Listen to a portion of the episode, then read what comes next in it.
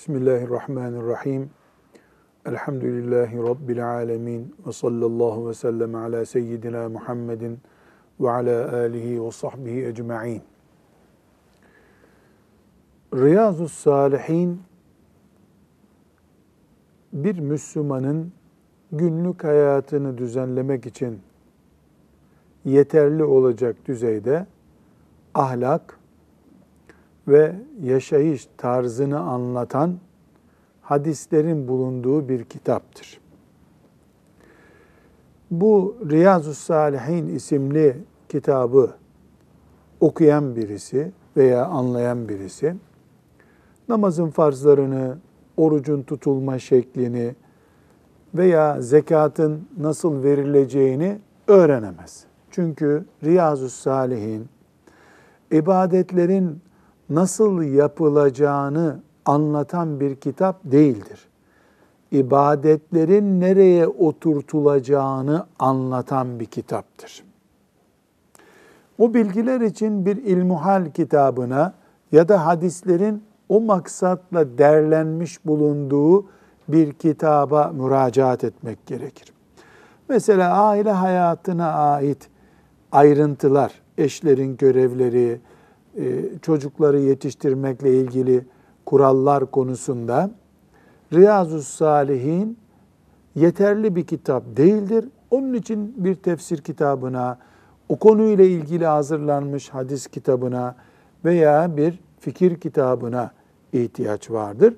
Riyazu Salihin kadın, erkek, aile olarak oturtulduğumuz kulluk misyonumuzu anlatan bir kitaptır. Bunun için Riyazu Salihin bütün müminlerin her asırda ve her yerde ana Müslüman dinamizmimizi anlamak, kavramak ve yaşamak için muhtaç oldukları bir kitaptır. Allah kitabımızın yazarı İmam Nevevi'ye rahmet eylesin. Onu da bizi de sevgili Peygamberimiz sallallahu aleyhi ve sellemin şefaatine kavuştursun kıyamet gününde. Bu bölümde, bu okuyacağımız yeni bölümde İmam Nevevi sünnete sarılmak ile alakalı bir başlık açmış. Sünnete sarılmak. Sünneti korumak, sünnet diye anlayışı olan bir Müslüman olmak diyebiliriz buna biz. Sünnet ne demek? Resulullah sallallahu aleyhi ve sellemin tarzı demek. Onun hayata bakış şekli demek. Sünnete sarılmak demek ise ne olmuş olur? Resulullah sallallahu aleyhi ve sellem Efendimizin baktığı gibi dünyaya bakmak olur. Onun aile düzeni gibi aile düzen kurmak demek olur. Onun yürüdüğü gibi, onun oturduğu gibi, onun yemek yediği gibi, onun konuştuğu gibi, onun nezaketi gibi demek olur. Genelde Müslümanlar olarak bizler dinimizi Allah'ın kitabından, peygamberinin de sünnetinden öğreniriz. Başka bize bağlayıcılığı olan bir kural yoktur. Kur'an'ımızın bize akan bölümüne, parçalarına ayetler diyoruz. Kur'an diye büyük bir kitabımız var. O Kur'an'ın filan ayeti diyoruz.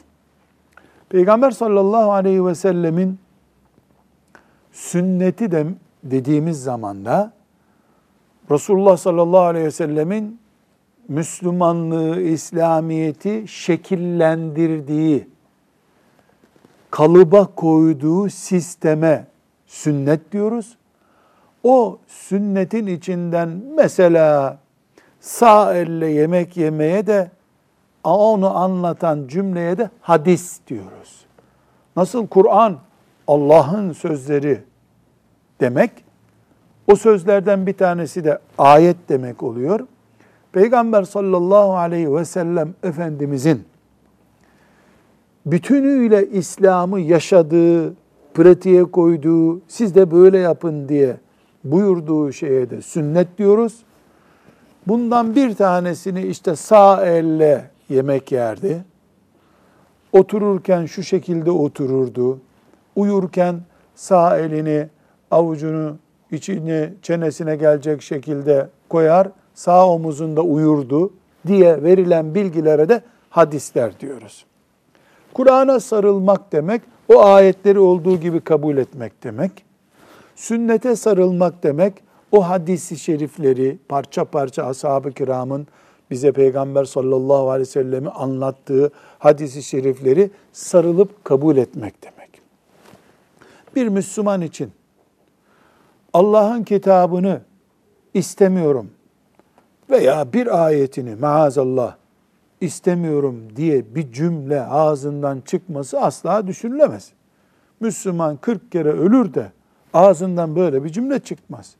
Aynı şekilde de hadislerden veya sünnetten filanca bölümü anlamadım, anlamak istemiyorum gibi maazallah bir cümle Müslüman 40 kere ölür, bu ağzından çıkmaz. Çıkamaz. Bazı meselenin nereye dayandığını anlayamayacak durumda olan Müslümanlar, şeytanın bu projeyi niye ürettiğini anlayamayan kardeşlerimiz, yahu Kur'an'ı gönderdi Allah bize, Kur'an bize yeter diyorlar ya, aslında bu Kur'an'ın onlara yeteceğine inandıklarından dolayı söyledikleri bir söz değildir.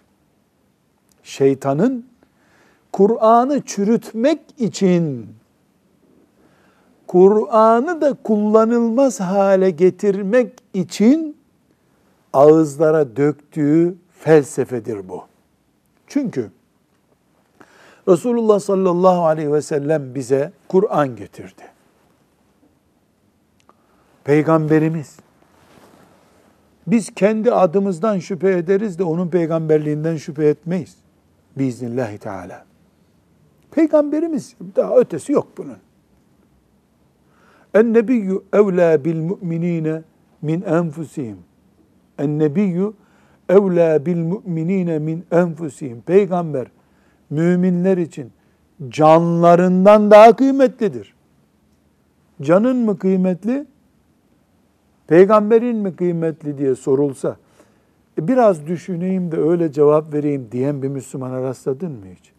Ya insan hiç olmasın edebiyat için olsa yani böyle toplum hatırına da olsa ne demek ya peygamberim tabii ya. Peygamber yokken ben niye var olayım diyer. Böyle demek gerekir zaten. En nebiyyü evlâ bil mu'minîne min enfusihim. Peygamber müminlerin gözünde canlarından daha değerlidir o müminlerin. Ve ezvâcû ummâtûm. Daha da ileri gidiyor. O kadar ki değerli onun hanımları müminlerin analarıdır. Ana ana. Bizi doğurmadığı halde onlar anamızdır onlar. Analarımızdan daha anamızdırlar. Allah onlardan razı olsun. Peygamberine de salatu selam olsun. Bunun için biz Resulullah sallallahu aleyhi ve selleme bu kadar değer veriyoruz. Da bu değer verişten sonra ona ait olduğu bilinen bir sözü ikinci sınıf bir söz gibi nasıl görürüz? Neuzu billahi teala. Mümin bunun şakasını dahi yapamaz şakasını latife olsun diye dahi mümin bunu yapamaz. Uykuları kaçar müminin böyle bir şey yapacak olsa.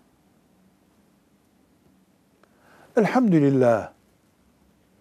Bunun bir cahillik olduğunu, bunu yapanların bir sonuca ulaşamayacaklarını biliyoruz, görüyoruz.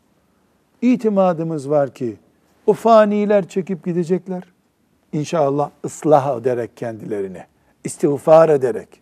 Resulullah sallallahu aleyhi ve sellemin büyük kadr kıymetine leke o sürdürmek için yapılmış bu proje yani Kur'an-ı Kerim bize yeter. Peygamber aleyhissalatü vesselamın sünnetine ihtiyaç yok gibi direkt söyleyenler veya bunu dolaylı dolaylı hissettirenler biiznillahü teala tövbe istiğfar edeceklerdir.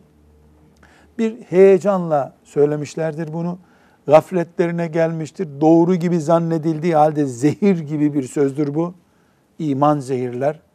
La kadderullah e, diye anlayacaklar, döneceklerdir.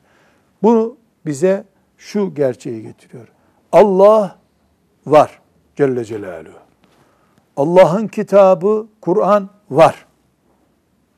Kur'an'dan her bir ayet, her biri benim için can. Bir. İki. Allah'ın peygamberi Muhammed sallallahu aleyhi ve sellem var. Amenna ve saddakna. Peygamber sallallahu aleyhi ve sellemin ne yaptığı, ne ettiği, ne konuştuğu, ne emir buyurduğu, ne tavırlar gösterdiği, neye kızdığı, neye kızmadığı, ailesinde ne yaptığı, çocuklara ne yaptığı, cihadı nasıl yaptığı, Kur'an'ı nasıl okuduğu, namazı nasıl kıldığına dair büyük bir birikim olan sünnet dediğimiz mirası var. Elhamdülillah. Bir elimizde Kur'an, öbür elimizde Resulullah sallallahu aleyhi ve sellemin sünneti var. O sünnetin içinden de hadisler var. Tıpkı Kur'an'ın içinde ayetler olduğu gibi. Kur'an'ı en küçük parçalara böldüğümüz zaman 6600 küsür ayet çıkıyor karşımıza. Hadis-i şeriflerde sünnetin içinden cümle cümle alınmışlardır. Şüphesiz takvim yaprağında ya da Ramazan-ı Şerif'te bir gazetenin sayfasında Resulullah sallallahu aleyhi ve sellem buyurmuş ki diye bir cümle yazıyor. Yok, öyle değil. O kadar kolay değil. Bu Resulullah sallallahu aleyhi ve sellem Efendimizin sözüdür diye inanmamız için bunun ehli alimlerin evet Resulullah sallallahu aleyhi ve sellemin sözüdür bu diye önümüze belgeli kitaplar koymuşlar. O kitaplardan birinde olması lazım. Olduğu zaman başımızdır, gözümüzdür, ruhumuzdur o söz Allah'ın izniyle. Peki onu nasıl anlayacağız? E, ayetleri nasıl anladıysak. Hadis-i şerifler bize çok karışık geldi. E sana ayet de karışık gelir. O zaman sana Resulullah sallallahu aleyhi ve sellemin sünneti karışık geliyorsa Resulullah'ın Kur'an'ı sana karışık gelmez mi zannediyoruz? Sen pasta yemeği beceremiyorsun. Kuru mısır ekmeğini nasıl yiyeceksin o zaman? Demek ki sende boğaz yok. Yudumlayacak boğaz yok. İşte meselemiz nedir? Müslümanız. Elhamdülillah. Müslümanlığımız bir elimizde Kur'an, öbür elimizde Resulullah sallallahu aleyhi ve sellemin sünneti olacak şekilde bir Müslümanlıktır. Kur'an'ı bırakan da dengesini kaybeder. Resulullah sallallahu aleyhi ve sellemin sünnetini kaybeden de dengesini kaybeder. İnsan bunu kasten yapmaz Müslüman olduğu sürece. Gafletine gelir, hakikatini anlayamaz, yapabilir, istiğfar eder. Ya Rabbi ben nasıl cahillik ettim de sevgili Peygamber aleyhissalatü vesselamın sünnetine karşı böyle bir gafletim oldu diye düşünür. Pozisyonunu düzeltir. Allah gafur ve rahimdir. Günahın hacmi ne kadar büyük olursa olsun tövbe eden kulunun tövbesini kabul buyuruyor. Peki. Bu girişte sünnetin Resulullah sallallahu aleyhi ve sellem demek olduğunu anladık.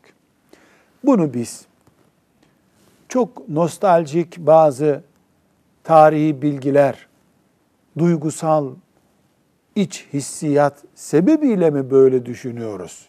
Hayır. Rabbimiz böyle murad etmiş. Rabbimiz bizi bu yöne yönlendirmiş. Onun için biz böyle düşünmeyi iman kabul ediyoruz. Bir elimizde Kur'an, bir elimizde sünnet. Bu dengeyi sağlamak imanımızdan kaynaklanıyor. Mümin isek böyle olacak. Başka türlü olmaz diyoruz. Bunu da Rabbimizin kitabındaki ayetlerden okuyoruz. İmam Nevevi rahmetullahi aleyh sünnetin ve hadisi şeriflerin kendilerinden konuşmaya başlamadan önce bu hadisi şeriflere, sünnete bizi yönlendiren Kur'an ayetlerinden örnekler getirmiş buraya. Şimdi o ayetleri okuyacağız ve böylece de Resulullah'ın aleyhissalatu vesselam bir elinde Kur'an, öbür elinde sünnet ve hadisi şerifler olan Müslümanlığı nasıl oturttuğunu ve bunu Allah'ın nasıl emrettiğini göreceğiz. Sırayla ayeti celileleri okuyalım. Şimdi hafız kardeşimiz önce ayetleri okuyalım teberruken sonra meallerini okuyalım. Haşr suresinin 7. ayeti Haşr suresinin 7. ayeti okuyalım hafız efendim. Euzu billahi mineşşeytanirracim. Bismillahirrahmanirrahim. وَمَا آتَاكُمُ الرَّسُولُ فَخُذُوهُ وَمَا نَهَاكُمْ عَنْهُ فَانْتَهُوا وَمَا آتَاكُمُ الرَّسُولُ فَخُذُوهُ وَمَا نَهَاكُمْ عَنْهُ فَانْتَهُوا Sadakallahul azim. Ne buyurmuş Rabbimiz? Peygamber size ne verirse onu alın. Neyi yasaklarsa ondan da sakının. Ne veriyorsa alın, ne yasaklıyorsa sakının. Kimin emri bu? Allah'ın emri Celle Celaluhu. E peygamber hurma mı dağıttı bize? Verdiği hurmaları alın mı demek istiyor? Din olarak ne verdiyse size alın. Din adına neyi yasakladıysa onu bırakın. Bize Maide suresi getirdi. Nisa suresi getirdi. İsra suresi getirdi. Kehf suresi getirdi. Alın onları. Sonra namaz kılarken de şimdi bana bakın namazı kılıyorum dedi. Hep namazda ona baktınız. Bu sefer ona bakın. Hanımlarına davranıyordu. Davranmak böyledir buyurdu. Mesela kadın geldi. Kur'an-ı Kerim'de yok bu. Kadın geldi, kocasının onu tartakladığını söyledi. Resulullah sallallahu aleyhi ve sellem çıktı. Erkeklerin bulunduğu sahabilerin içinde ne buyurdu? Sizin en iyiniz ahlakı en iyi olandır. En iyi ahlaklınız da hanımlarına en iyi davrananınızdır. Kimin hanımlarına, ahlakına böyle bir garantisi varsa kıyamet günü bana en yakın olandır. Kur'an'da böyle bir ayet yok. Hanımlara nasıl davranılacağına dair bu uygulaması sünnet dediğimiz şeydir işte.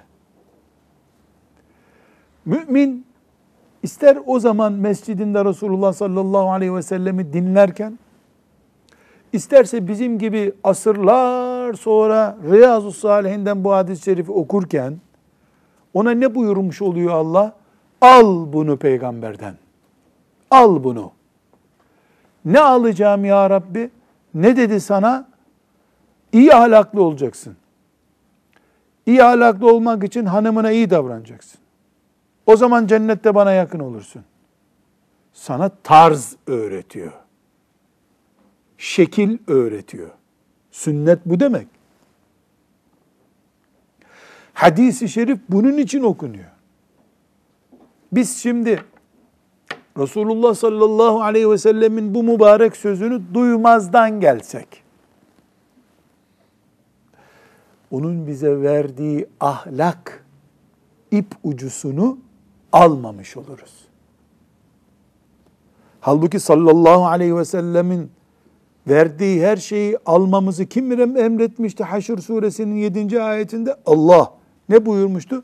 وَمَا آتَاكُمُ الرَّسُولُ فَخُذُوهُ Size verdiği her şeyi alın.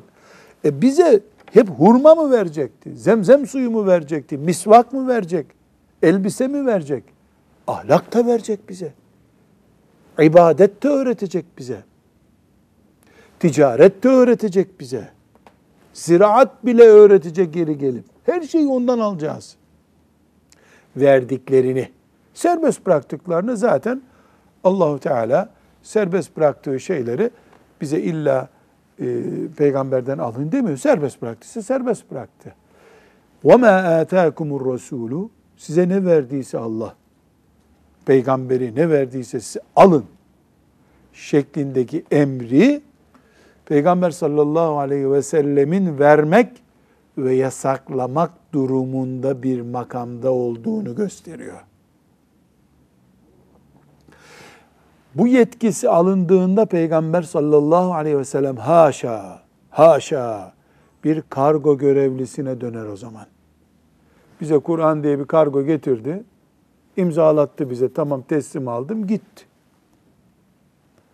Öyle biri mi bizim peygamberimiz sallallahu aleyhi ve sellem? Yoksa içimizden bize babamızdan daha merhametli, bizi bizden çok düşünen, ümmetini doğduğunda düşünen, kıyamet günü ümmetim diye gözyaşı akıtacak olan, bizim cehenneme düşmememiz için oturup da ömrünü parçalayan, لَعَلَّكَ بَاخِعٌ نَفْسَكَ اَلَّا يَكُونُوا مُؤْمِنِينَ Kendini parçalayacaksın ey peygamber şu adamlar iman etmiyor diye bizim için kendini parçalayacak kadar gayret eden, dert eden peygamber mi? Sallallahu aleyhi ve sellem yoksa kargo görevlisi mi? Kur'an'ı getirdi, gitti. Haşa, estağfurullah, estağfurullah. Bunu temsil için söylemek bile insanın yüreğine ağır geliyor. E sünnet görevini kaldırdın mı Peygamber sallallahu aleyhi ve sellemin? Sünnet önemli değil dedin mi? Hadis-i şerifler önemli değil dedin mi ortaya bu çıkıyor. Aldık Kur'an'ı hadi güle güle demek gibi oluyor. Nauzu billah. Demek ki Haşr suresinin 7. ayeti gayet açık bir şekilde ne emrediyor? Peygamber ne verdiyse alacaksın. Peygamber neyi yasakladıysa bırakacaksın. Aması vesairesi yok bu işin. Çünkü Peygamber sallallahu aleyhi ve sellem sıradan biri değil. O Allah'ın peygamberi. Allah'ın peygamberi. Ona dayanılan her şey Allah'a dayanıyor ona karşı dikleniş, ona karşı saygıda kusur Allah'a karşıdır. Yahudiler aleyhim min Allahi ma yestehikkun Yahudiler Musa aleyhisselamla laubali konuştukları için Musa aleyhisselamın sağlığında sonra Tevrat'ı istedikleri gibi yazıp bozmakta da sakınca görmediler. Tevrat'ı getiren peygamberle laubali konuştular. Sen ineğin rengini söyle bize. Kaç kiloluk bir inek olsun, kaç hisse olsun der gibi alay ettiler. Oturuyoruz biz burada sen git Rabbinle o işi gör gel dediler. Alay ettiler. Ya Musa bize de bir tanrı yapsana bu milletin tanrısı var dediler. O kadar büyük nimetleri ve mucizeleri gördükleri halde bakınız bu noktayı asla unutmayalım. Altını çizelim. Ekranlarda bunu konuşalım. E, not defterimize yazalım. Bu çok önemli bir nokta. Yahudiler aleyhim minallahi ma istahikkun mel'un nesil Sağ iken Musa aleyhisselam onunla istedikleri gibi seviyesiz ve laubali konuştular. Bir arkadaşla konuşulmayacak kadar seviyesiz bir şekilde peygamberle konuştular. Şeytan Musa aleyhisselamın ölümünden sonra 100 sene sonra Tevret, Tevrat'ı parçalanmış bir kitap haline getirtebilmek için önce Musa aleyhisselama karşı laubalileştirdi onları. Bir kere sulu, edepsiz, saygısız, peygamber peygamberin huzurunda durulmayacak şekilde durmaya alışınca Musa aleyhisselamdan sonra çok geçmeden Tevrat'la da istedikleri gibi yap boz oynadılar. O Tevrat'ın peygamberiyle oynamış adamlar. Tevrat'la niye oynamasınlar? Canlı Kızıldeniz'in nasıl mucizeyle yol olduğunu Musa Aleyhisselam'ın asasıyla, Musa Aleyhisselam'ın asasıyla nasıl 12 tane pınarın yerden çıktığını gözleriyle gördüler. O büyük nimetlerden, mucizelerden sonra nasıl bu insanlar bu kadar laubali, Allah'ın kitabıyla oynama cüretinde bulundular? Peygamber gibi bir şahısla, Kelimullah değil mi? Musa aleyhisselam. Allah'ın kelamına muhatap olmuş bir peygamberle edep dışı bir şekilde nübüvvet makamını, risalet makamını rencide edecek bir şekilde konuşmaya cesaret etti miler? Ölünce Musa aleyhisselam vurdular davula, çaldılar zurnayı bu sefer. Tevrat onlar için oyuncağa döndü. Bakınız bu misali unutmuyoruz. Peygamberin şahsıyla oynayan, peygamberin kitabıyla daha rahat oynar. Onlar Musa Aleyhisselam'ın huzuru şerifinde pür dikkat, titiz bir şekilde narin konuşmaya cesaret edemez. Ashab-ı kiramın radıyallahu anhüm Efendimizin huzurunda durduğu gibi pür dikkat durabilselerdi, Tevrat ellerinde bozulmazdı. Çünkü peygambere saygılı nesil, peygamberden sonra peygamberin kitabıyla oynayabilirler mi? Bugün iblis profesyonelleştiği için bu konuda Peygam önce peygamberi çürütmek, arkasından peygamberin bıraktığı kitabı çürütmeyi kolaylaştırıyor diye bir profesyonel tecrübesi olduğu için iblisin asırlardır Resulullah sallallahu aleyhi ve sellemin ikinci mirası olan sünnetini, hadisi şerifleri çürütmeye çalışıyor. Çünkü direkt Kur'an'a saldırdığı zaman vay mel'un iblis diye bir dikkat çekiyor.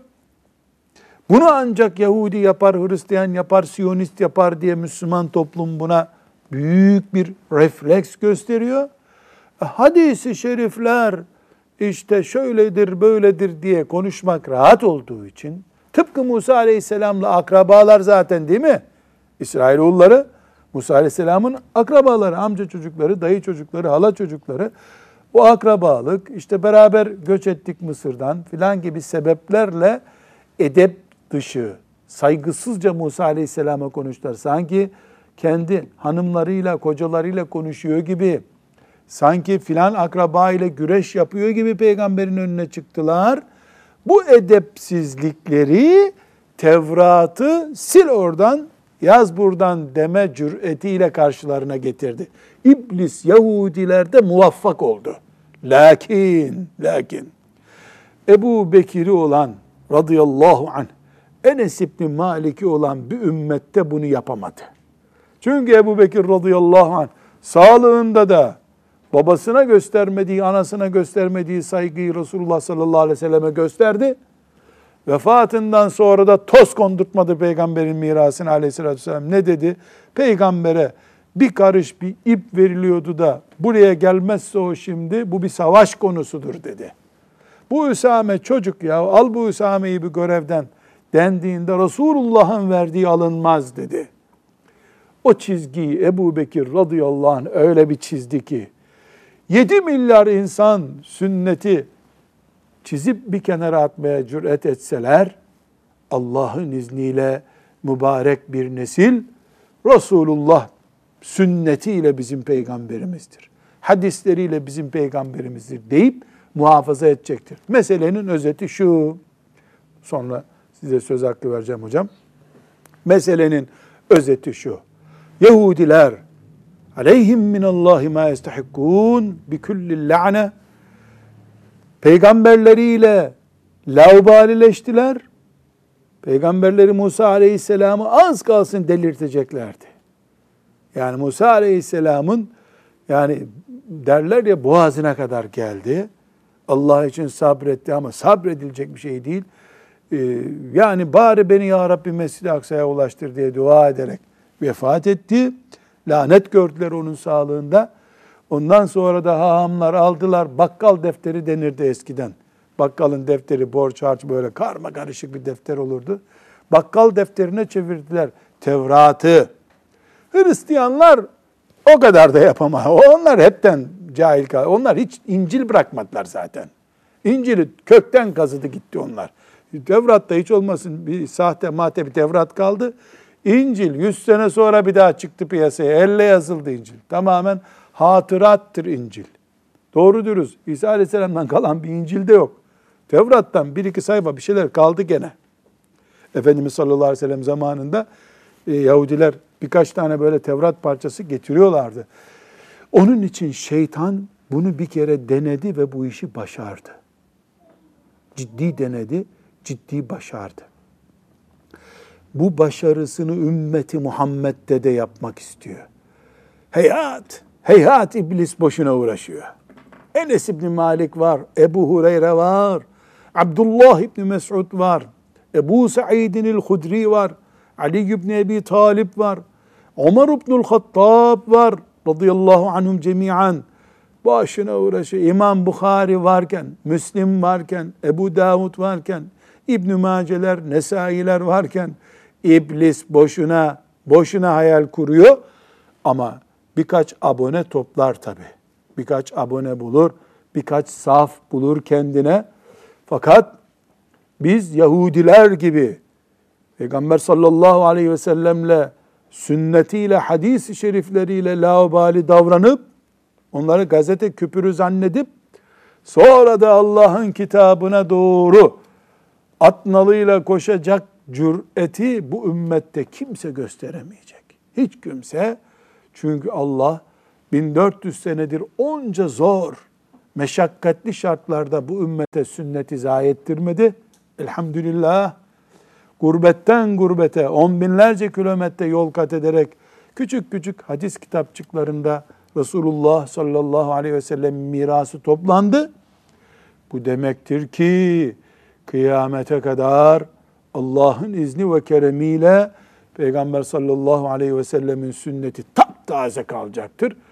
Ben kendi içimdeki hüsnü zannımla söylüyorum. Bu kafirlerin aleni sünnet düşmanlığı, onlara aldanan mümin kardeşlerimizin gafletle yaptıkları sünnet saldırıları, sünnete saldırılar bizim daha fazla sünnetimize, hadisi şeriflere sahip çıkmamızı sağladı. Kamçı oldu bize. Derler ya e, borç yiğidin kamçısıymış. Biiznillahü teala bu bizim kamçımız oldu.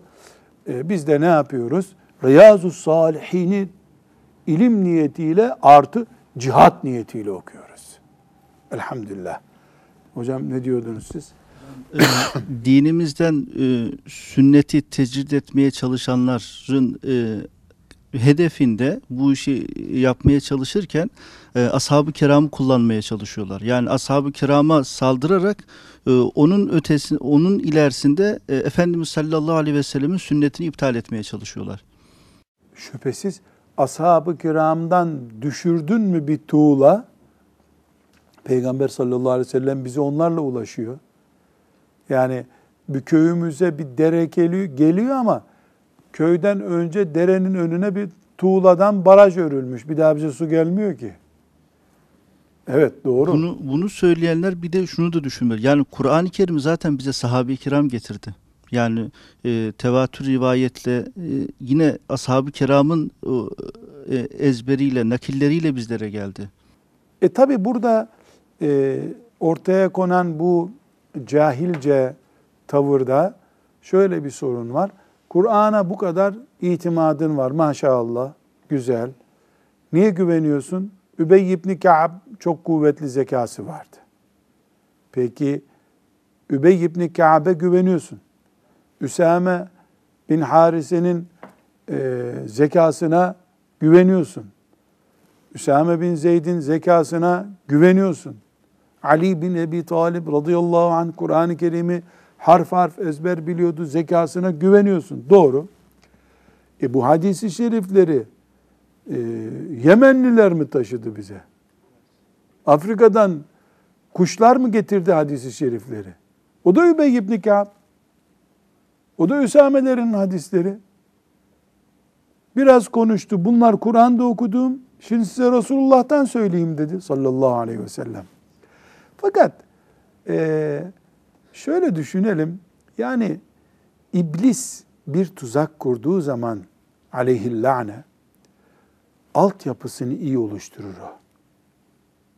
Şimdi biz böyle konuşuyoruz ya, sıradan bir Müslüman öbür taraftan yani sünnetimize düşman olandan bir briefing dinlese, vay benim aklıma nasıl bunları kestirememişim der. Şeytan akıllıdır. Yani eskilerin bir deyimi var ya, zehiri ne kupada sunarlar? Altın kupada zehir sunarlarmış. Paslı tenekeyle zehir sunar mısın? Kimse içmez ki onu. Kupayı altın yaparsın. Uuu ne güzel kupa derken içindeki zehiri yutar. Maazallah. Ama meseleye bir de şöyle bakalım. Rabbimiz imtihan etmeyi diliyor. Sizi imtihan edeceğim diyor. Bu imtihanı Bilal Habeşi'nin karşısına Übey ibn Halef'i çıkararak, Ebu Cehil'i çıkararak yaptı. Filancaların karşısına Roma İmparatorluğunu çıkararak yaptı. İmtihan etti Allah. Başka bir nesli e, günlük yiyeceğini bulamayacak kadar fakirlikle imtihan ederek Allah baktı ne olacak bunlardan. Mesela bizden önceki kuşak e, ezansız bir nesil olarak yetiştiler bu topraklarda. Onların imtihanı oydu. Duymadıkları ezana rağmen bakalım namaz kılacaklar mı? Allah onu görmeyi murad etti. E, o Kur'an-ı Kerim okumanın yasak olduğu dönemde bakalım Müslümanlar çocuklarına Allah'ın kitabını okutacaklar mı? Bunu görmeyi murad etti Allah. Sonra bir grup Müslümana işte İstiklal Savaşı dediğimiz mesela bir grup nesil her taraftan kafirlerin saldırdığı, büyük taarruzların olduğu bir savaş dönemiyle imtihan etti. Şimdi elhamdülillah fakirlik yok. Ezanlar, Kur'anlar, her şey serbest. Ama peynirin içinden kurt çıktı bu sefer. Elmanın içinden kurt çıktı. Daha önce köy çocukları elmaya çomak atıyorlardı, elmayı düşürüyorlardı. Çocukları kovaladık. Tam yarın elma yiyeceğiz. Baktık elmalar kurtlanmış bu sefer. Yani bizim içimizden Yahudilerin peygamberlerine yaptığı gibi bu sünnettir, bu hadistir diye böyle haşa buruk bir dille, uçuk bir dudakla Peygamber sallallahu aleyhi ve sellemin sünnetini hafifmiş gibi göstermeye çalışan gaflet oldu bu sefer. Bizim imtihanımız da bu. Bunu kazanmak zorundayız biz. Bir, bir şekilde o dönemin yani ezansız büyüyen neslin insanları e bize ne ya Rabbi ezan okunsaydı biz namaza giderdik diyecekler mi? Diyebilirler mi kıyamet günü? Allah Teala onları öyle imtihan etmişti.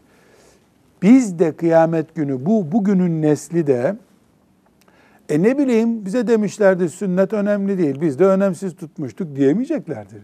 Kime diyorsun bu sözü? Bu bir imtihandır. İçinden çıktığın yuvaya hıyanettir bu. Şefaatine muhtaç olduğun, şeriatı ile ailende, devletinde huzur bulacağını iman ederek bildiğin, peygamberine sallallahu aleyhi ve sellem sen uçuk dudakla nasıl bakarsın? Güya onun Kur'an'ını yüceltmeye çalışırken sünnetini nasıl hafife alırsın? Bunu Allah sorar. Ama biz örneğimizi unutmuyoruz. Yahudiler de böyle yapmışlardı. Tevrat'ı sonra bitirdiler. Nauzu billah. Bu ümmette böyle bir şey olmaz. Olamaz. Hele biz sağken olamaz. Tek yaşayanı biz oluruz sünnetin en azından. Bak burada yedi kişiyiz. Hiç kimse kalmasa biz kalırız. Böylece nesli kurumamış olur sallallahu aleyhi ve sellemin sünnetinin. Ama iyi bilinmeli ki şeytanın projesindeki asıl hedef şimdi sünneti istediği gibi konuşturtmak. iki satır yazı okumuş. İmam Hatip Lisesi'nde iki saat ders okumuş güya.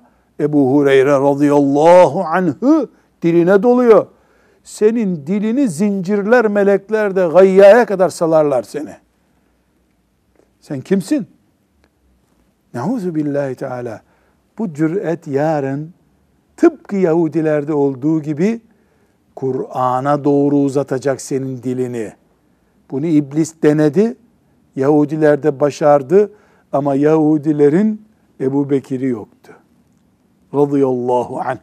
Biz Ebu Bekir'le başlayan bir konvoyda Peygamber sallallahu aleyhi ve sellemin peşinden gidiyoruz. Rabbim bu heyecanla yaşayıp bu heyecanla ruhumuzu kabz etmekle bizi şereflendirsin. Ve sallallahu ve sellem ala seyyidina Muhammed ve ala alihi ve sahbihi ecma'in velhamdülillahi rabbil alemin.